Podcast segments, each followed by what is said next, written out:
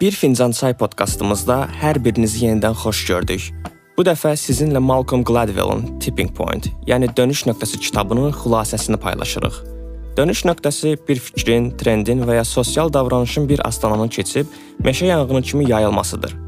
Tək bir xəstə insanın qrip epidemiyasını başlada biləcəyi kimi kiçik, lakin dəqiq hədəflənmiş təkan da yeni moda meylinə, yeni məhsulun populyarlığına və ya cinayət nisbətinin azalmasına səbəb ola bilər.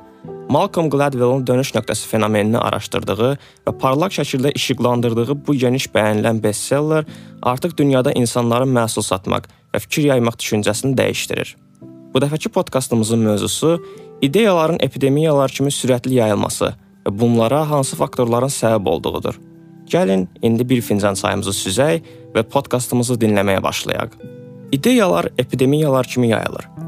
İdeyaların, məhsulların və davranışların yayılması viral infeksiyanın yayılması ilə müqayisə oluna bilər. Uzun illər ərzində çox az insan buna yoluxur. Daha sonra qısa bir müddətdə bu epidemiyaya çevrilir. Məsələn, Hush tərəfindən yaradılan zamşa ayaqqabılarına nəzər salaq. 1990-cı illərin ortalarında populyarlaşana qədər bu ayaqqabılara tələbat çox az idi. Bir il ərzində satış rəqəmləri 30 min cütdən 430 min cütə yüksəlmişdi. Növbəti il isə 2 milyon cütə yaxın Hush ayaqqabılar satılmışdı. Əslində epidemiyanın başlanmasında şirkət heç bir rol oynamamışdır. Manhattan-da bir neçə hipsterin həmin ayaqqabıları geyinməsi ilə bu ideya yayılmağa başladı və trend halına gəldi. Sosial epidemiyalar viral infeksiyalarla eyni xüsusiyyətlərdən bir neçə ortaq xüsusiyyətə malikdir. Məsələn, viral infeksiyalar qış fəslində, insanların immunitetinin daha zəif olduğu vaxtlarda daha asan yayıla bildiyi kimi, səthi xarici dəyişikliklər də sosial infeksiyanın yoluxuculuq qabiliyyətinə çox təsir edə bilər. Nəticə etibarilə sonda hər ikisi dönüş nöqtəsinə çatır. Müəyyən kütləyə çatdıqdan sonra trendin yayılmasının qarşısını almaq artıq mümkün olmur. Epidemiya statusunu qazanmaq üçün mütləq dönüş nöqtəsini keçmək lazımdır. Dönüş nöqtəsi trendlərin epidemiyaya çevrildiyi və meşə yanğını kimi yayıldığı andır. Məsələn, qrip ilk başda əhali arasında yavaş-yavaş yayılır, amma günbəgün daha çox insanı yoluxduraraq elə bir nöqtəyə gəlib çatır ki, bundan sonra ötürmə sürəti dramatik şəkildə yüksəlir və epidemiya nəzarətdən çıxır. Qrafik olaraq təsvir etsək, bu artım ilk başda maili əyri xətt olacaq. Daha sonra düz buzaq altında yüksəlməyə başlayacaq. Bu dönüş nöqtəsi adlanır. Eyni tip artım texnoloji innovasiyaların yayılmasında da müşahidə olunub. Elektronika şirkəti Sharp 1984-cü ildə ilk münasib qiymətli faks maşınını yaratdıqda ilk ilində 80 min məhsul sata bilmişdi. Rəqəmlərdə artım hər il sabit şəkildə davam etdi. 1987-ci ildə isə satışlar dönüş nöqtəsinə çatdı və çox sürətlə artdı. Bu xüsusi dönüş nöqtəsində o qədər adam faks maşınına sahib idi ki, faks maşını olmayan şəxslər də sonda bu maşınlardan birini almaq qərarına gəlmişdilər. Başqa sözlərlə desək, dönüş nöqtəsində baş verən fundamental dəyişikliklər infeksiyanın daha sürətli yayılmasına səbəb olur. Epidemiyaya əsasən müəyyən qrup şəxslər səbəb olur. 80-20 qaydası bir çox insan qruplarında tapılan sosioloji fenomeni təsvir edir. Burada insanların 20% adətən geriyə qalan 80%-ə təsir göstərə bilər. Məsələn, bir çox cəmiyyətlərdə işçilərin 20%-i işin 80%-ni yerinə yetirir. Cinayətlərin 80%-ni cinayətkarların 20%-i törədirlər. Bütün yol hadisələrinin 80%-nə sürücülərin 20%-i səbəb olur. Pivənin 80%-ni pivə içən insanların 20%-i içir. Virus epidemiyalarda bir neçə əsas insan tərəfindən alovlandırılır, amma nisbət daha da kəskindir. Yoluxmuş insanların çox az bir hissəsi xəstəliyin yayılmasında mühüm rol oynayırlar. Məsələn, ABŞ-da erkən qid sallarının bir çoxu öz dediyinə görə Şimali Amerikada 2500-dən çox insanla cinsi əlaqədə olmuş və nəticədə virusun yayılmasına əhəmiyyətli dərəcədə təsir etmiş bir situasiya ilə əlaqələndirilə bilər. Eynilə sosial epidemiyalarda da yoluxma sürətini artıranlar adətən müəyyən qrup insanlar olur. Çox vaxt bunlar xüsusi sosial əlaqələri olan və diqqət mərkəzində olan şəxsiyyətlərdir. İdeyalar bağlayıcı vasitələrlə və ya geniş sosial çevrəyə malik insanlarla daha tez yayılır. Fikirlər ümumiyyətlə bir çox sosial əlaqələri olan insanlar tərəfindən yayılır. Diqqətə layiq cəhət budur ki, bu bağlayıcılar yalnız bir sahədə deyil, bir çox fərqli sahələrdə də yaxşı əlaqəlidirlər. Bağlayıcılar sosial şəbəkələrin düyün nöqtələri və fikir təbliğçiləridir. Onlar çox sayda insanı tanıyırlar və ünsiyyət qurmağı sevirlər. Onların ən üstün cəhətləri sərəncamlarında bir çox zəif dərəcəli əlaqələrin olmasıdır. Başqa sözlə desək, həyatın müxtəlif təbəqələrindən olan geniş bir tanış çevrəsinə sahib olmaq onlar üçün bir nəsə yaxın dostla sıx əlaqədə olmaqdan daha dəyərlidir. Sosial çevrənin sərhədlərini aşan əlaqələr epidemiyaların yayılmasında olduqca böyük bir rol oynayır. Bir virus və ya fikir yalnız qapalı bir dairədə yayılsaydı, epidemiyaya çevrilməzdi. Bu səbəbdən də müxtəlif sosial qruplara mənsub olan insanlardan ibarət çevrəyə malik bağlayıcılar epidemiyaların baş qaldırmasında əvəzedilməz rol oynayırlar. 1960-cı illərdəki bir sosial təcrübədə alimlər dünyadakı hər bir insanın hər kəslə yalnız bir neçə nəfər vasitəsilə əlaqəli olduğunu tapdılar. Ancaq əlaqələr mütləq bərabər paylanmır. Sosial mühit sərhədlərinin aşılması adətən bir-biri ilə xüsusilə yaxşı əlaqədə olan insanların kiçik qrupu vasitəsilə baş tutur. Bir fikri ağızdan ağza yaymaq istəyən hər kəs bu bağlayıcılara diqqət etməlidir. Çünki sosial epidemiyaları başladanlar məhz onlardır. Bəzi insanlar inandırma və fikir satma bacarığı ilə doğulur. Bəzi insanlar satıcı kimi doğulurlar. Adətən onlar pozitiv düşüncəyə, yüksək enerji və həvəsə, başqalarını yeni fikirlərə inandırmağa kömək edən keyfiyyətlərə sahib insanlardır. Tədqiqatlar göstərir ki, görkəmli satıcılar digərlərindən ən çox qeyri-şifahi ünsiyyət bacarıqları ilə fərqlənirlər.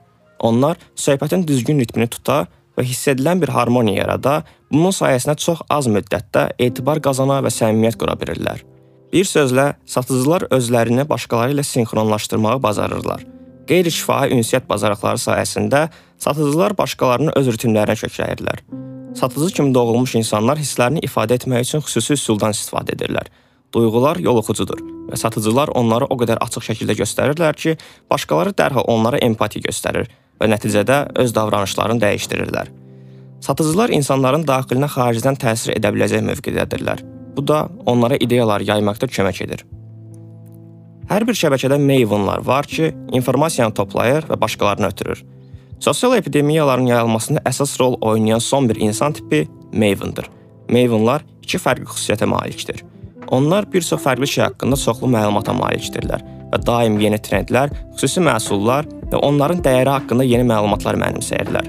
Onların yaxşı sosial bacarıqları var və biliklərini daima başqalarına ötürürlər. Mavenların son dərəcədə böyük şəbəkələri yoxdur. Ancaq onlar öz şəbəkələrindəki insanlar üzərində böyük nüfuz sahibidirlər. Digərləri Mavena etibar edirlər. Çünki hər kəs Mavenın məxfi biliklərə sahib olduğunu bilir. Mavenlar çox ünsiyyətçildir. Faydalı olmaq və məlumatları başqalarına ötürmək üçün sosial cəhətdən motivasiya aldırlar. Bir məhsul və ya xidmətdən əmin olduqları təqdirdə bunu dostlarına və tanışlarına tövsiyə edirlər. Dostları və tanışları isə bu tövsiyələrə əməl edirlər. Mavenın gücü məhz bundadır. Bir ideya yayılmamışdan əvvəl öz yerini möhkəmləndirməlidir. Əgər bir ideyanın yayılmağını istəyirsənsə, ilk öncə onun öz yerində möhkəmlənməsindən əmin olmalısan. İdeya qeyri-adi və cəlbedici olmalıdır. Bu, onun bizi daim əhatə edən informasiya burulğanında digər fikirlərdən fərqlənməsinə kömək edəcək. İdeyanın öz yerini möhkəmləndirməsi üçün mesajın cəlbedici olması lazımdır. Bəzən mesajın təqdim edilmə tərzində detallara cüzi düzəlişlər etmək belə böyük fərq yarada bilər. Məsələn, 1954-cü ildə Winston siqaret markası yeni filtrli siqaretlərini Winston bir siqaret kimi yaxşı görünür şüarı altında reklam etdi. Onların məqsədi yönlü şəkildə buraxdığı kiçik qrammatik səhv, yəni olaraq əvəzinə kimi istifadə edərək mesajın möhkəmlənməsinə və epidemiya kimi yayılmasına səbəb oldu. Yalnız bir neçə ilə Winston ABŞ-da ən populyar siqaret markasına çevrildi. Başqa bir nümunə isə televiziya dünyasındadır. Sesame Street-in qazandığı böyük uğurda şou istehsalçılarının imza atdıqları yeniliyin böyük rolu olub. İlk yayımlandığı vaxtlarda şou istehsalçıları uydurma personajlarla olan səhnələri küçədə çəkilən real aktyorlarla olan səhnələrdən ayrı tutma ənənəsinə sadiq qalırdılar. Lakin istehsalçılar bu ənənənin uşaqlara sıxıcı gəldiyini öyrənən kimi Muppetsləri gerçək səhnələrə çıxarmağa qərar verdilər. Bu kiçik, lakin həlledici dəyişiklik Sesame Street-i tamaşaçılarına daha cəlbedici etdi. Xarici şərtlər davranışımıza düşündüyümüzdən daha çox təsir göstərir. Davranışımız xarici şərtlərdən çox asılıdır. Ən kiçik dəyişikliklər hər hansı bir vəziyyətdə davranış tərsimizə böyük təsir göstərə bilər. Məsələn, bir araşdırma vaxt probleminin kömək etmək istəyimizə necə təsir edə biləcəyini göstərdi. Şagirdlər məruzə etmək üçün mühazirə salonuna göndərildi. Yarısına ora çatmağa tələsməyin, digər yarısına isə gecikməyin deyildi. Yollarında hamısı bir yıxılan adamla qarşılaşdı. Birinci qrupda şagirdlərin 63% kişiyə kömək etmək üçün dayandı. İkinci qrupda bu göstərici 10% idi. Başqa bir araşdırmada Stanford həbsxana təcrübəsində 24 sağlam kişinin hər birinə ya gözətçi, ya da məhbus rolunu oynamaq və 2 həftə ərzində bu saxta həbsxanada yaşamaq tapşırıldı. Təcrübə sürətlə nəzarətdən çıxdı. Mühafizəçilər güclərini istismar etdilər və getdikcə daha qəddar və sadist olmağa başladılar. Bu, məhbusların bir çoxunun emosional pozuntulara məruz qalmasına səbəb oldu.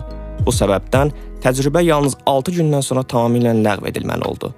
Vəziyyətlərindəki dəyişiklik süni rolları olan saxta bir həbsxana olmasına baxmayaraq iştirakçıları tamamilə fərqli insanlara çevirdi və onların davranışlarına böyük təsir göstərdi.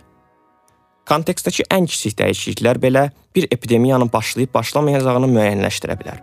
Epidemiyaların meydana gəlməsi əsasən xarici şərtlərdən asılıdır və tez-tez kiçik dəyişikliklərdən irəli gələ bilər. 1990-cı illərin ortalarında Nyu-York şəhərinin səlahiyyətli şəxsləri şəhərdə cinayət sayının nəzarətdən çıxmasında kiçik və ilk baxışdan zərərsiz görünən detalları günahlandırdılar. Onlar qrafitili metro vaqonları və ya metrodan ödənişsiz qaçanların cəzasız qalması kimi detalların insanlara pisləşən vəziyyətlə heç kim məşğul olmadığına və hər kəsin istədiyini edə biləcəyinə dair siqnallar göndərdiyini düşünürdülər. Bu cinayət epidemiyasını idarə etmək üçün səlahiyyətlilər daha kiçik təfərrüatlar üzərində fokuslanmağa başladılar. Qrafiti bir gecə içində yığışdırıldı və ödənişdən yayınma cəzalandırılan bir cinayətə çevrildi. İlk baxışdan mənasız görünən şeylərə sıfır dözüm nümayiş etdirərək ictimaiyyətə ehtiyatsız davranışın artıq qəbul edilməz olduğunu göstərdilər. Sonrakı illərdə cinayət nisbəti sürətlə azaldı. Bu kiçik müdaxilələr sayəsində epidemiyanın yayılmasının qarşısı alındı. Sosial epidemiyaların ortaya çıxmasında rol oynayan başqa bir incə amil isə bir qrupun ölçüsüdür. 150 qaydasında deyilir ki, yalnız 150 nəfərdən çox olmayan qruplarda daha sonra qrupun sərhədlərini aşa biləcək bir dinamik inkişaf ola bilər. Başqa sözlə, əgər siz qrupların, məsələn klublar, cəmiyyətlər, kampaniyalar və ya məktəblərin istənilən mesajı yaymaqda əsas rol oynamasını istəyirsinizsə, çalışın onları kiçik ölçüdə saxlayasınız. Epidemiyaların başlanmasına təkan verən bir neçə həlledici faktorlar var. Tanınması asan olan bu faktorlardan ideyaların, məhsulların və ya davranışların yayılmasında şüurlu şəkildə istifadə olunur. Kitab bu suallara cavab verdi. Niyə ideyalar epidemiyalar kimi yayılır və dönüş nöqtəsi burada hansı rol oynayır? İdeyalar epidemiyalar kimi yayılır. Bu, yalnız dönüş nöqtəsi sərhədini keçən an epidemiyaya çevrilir. İdeyaların yayılmasında hansı tip insanlar ən çox rol oynayır? Epidemiyaların yaranmasında adətən müəyyən qrup insanlar daha böyük rol oynayır. İdeyalar bağlayıcılar və geniş sosial şəbəkəsi olan insanlar vasitəsilə sürətli yayılır. Bəzi insanlar başqalarını öz ideyalarına inandıra bilmək və fikirlərini satmaq bacarığı ilə doğulur. Hər şəbəkədə əvvəlcə informasiyanı yığıb, sonra digərinə ötürən meyvunlar var. Başqa hansı faktorlar ideyaların yayılmağında rol oynayır? İdeya yayılmamışdan öncə öz yerini tutmalıdır. Xarici vəziyyətlər bizim davranışlarımıza düşündüyümüzdən daha çox təsir edir. Hətta məzmundakı ən kiçik dəyişikliklər belə epidemiyanın başlayıb başlanmasını müəyyənləşdirə bilər. Beləliklə, dönüş nöqtəsi haqqında olan podkastımızın sonuna gəldik. Ümid edirik ki, bugünkü podkastımızda maraqlı və faydalı məlumatları sizə çatdıra bildik. Bizi dinlədiyiniz üçün təşəkkür edirik. Podkastımızla bağlı fikirlərinizi şərh bölməsində bölüşməyi və kanalımıza abunə olmağı unutmayın. Gələcək podkast mövzuları üçün təkliflərinizi də gözləyirik. Sizin təkliflərinizi böyük məmnuniyyətlə səsləndirməyə hazırıq. Siz Bir Fincan Çay podkastına, Forum Capital və City Finance-ın sponsorluğu və Milli Klubun təşkilatçılığı ilə qulaq asdınız. Mən Əliş Niftəliyev. Növbəti yayımlarımızda görüşənədək.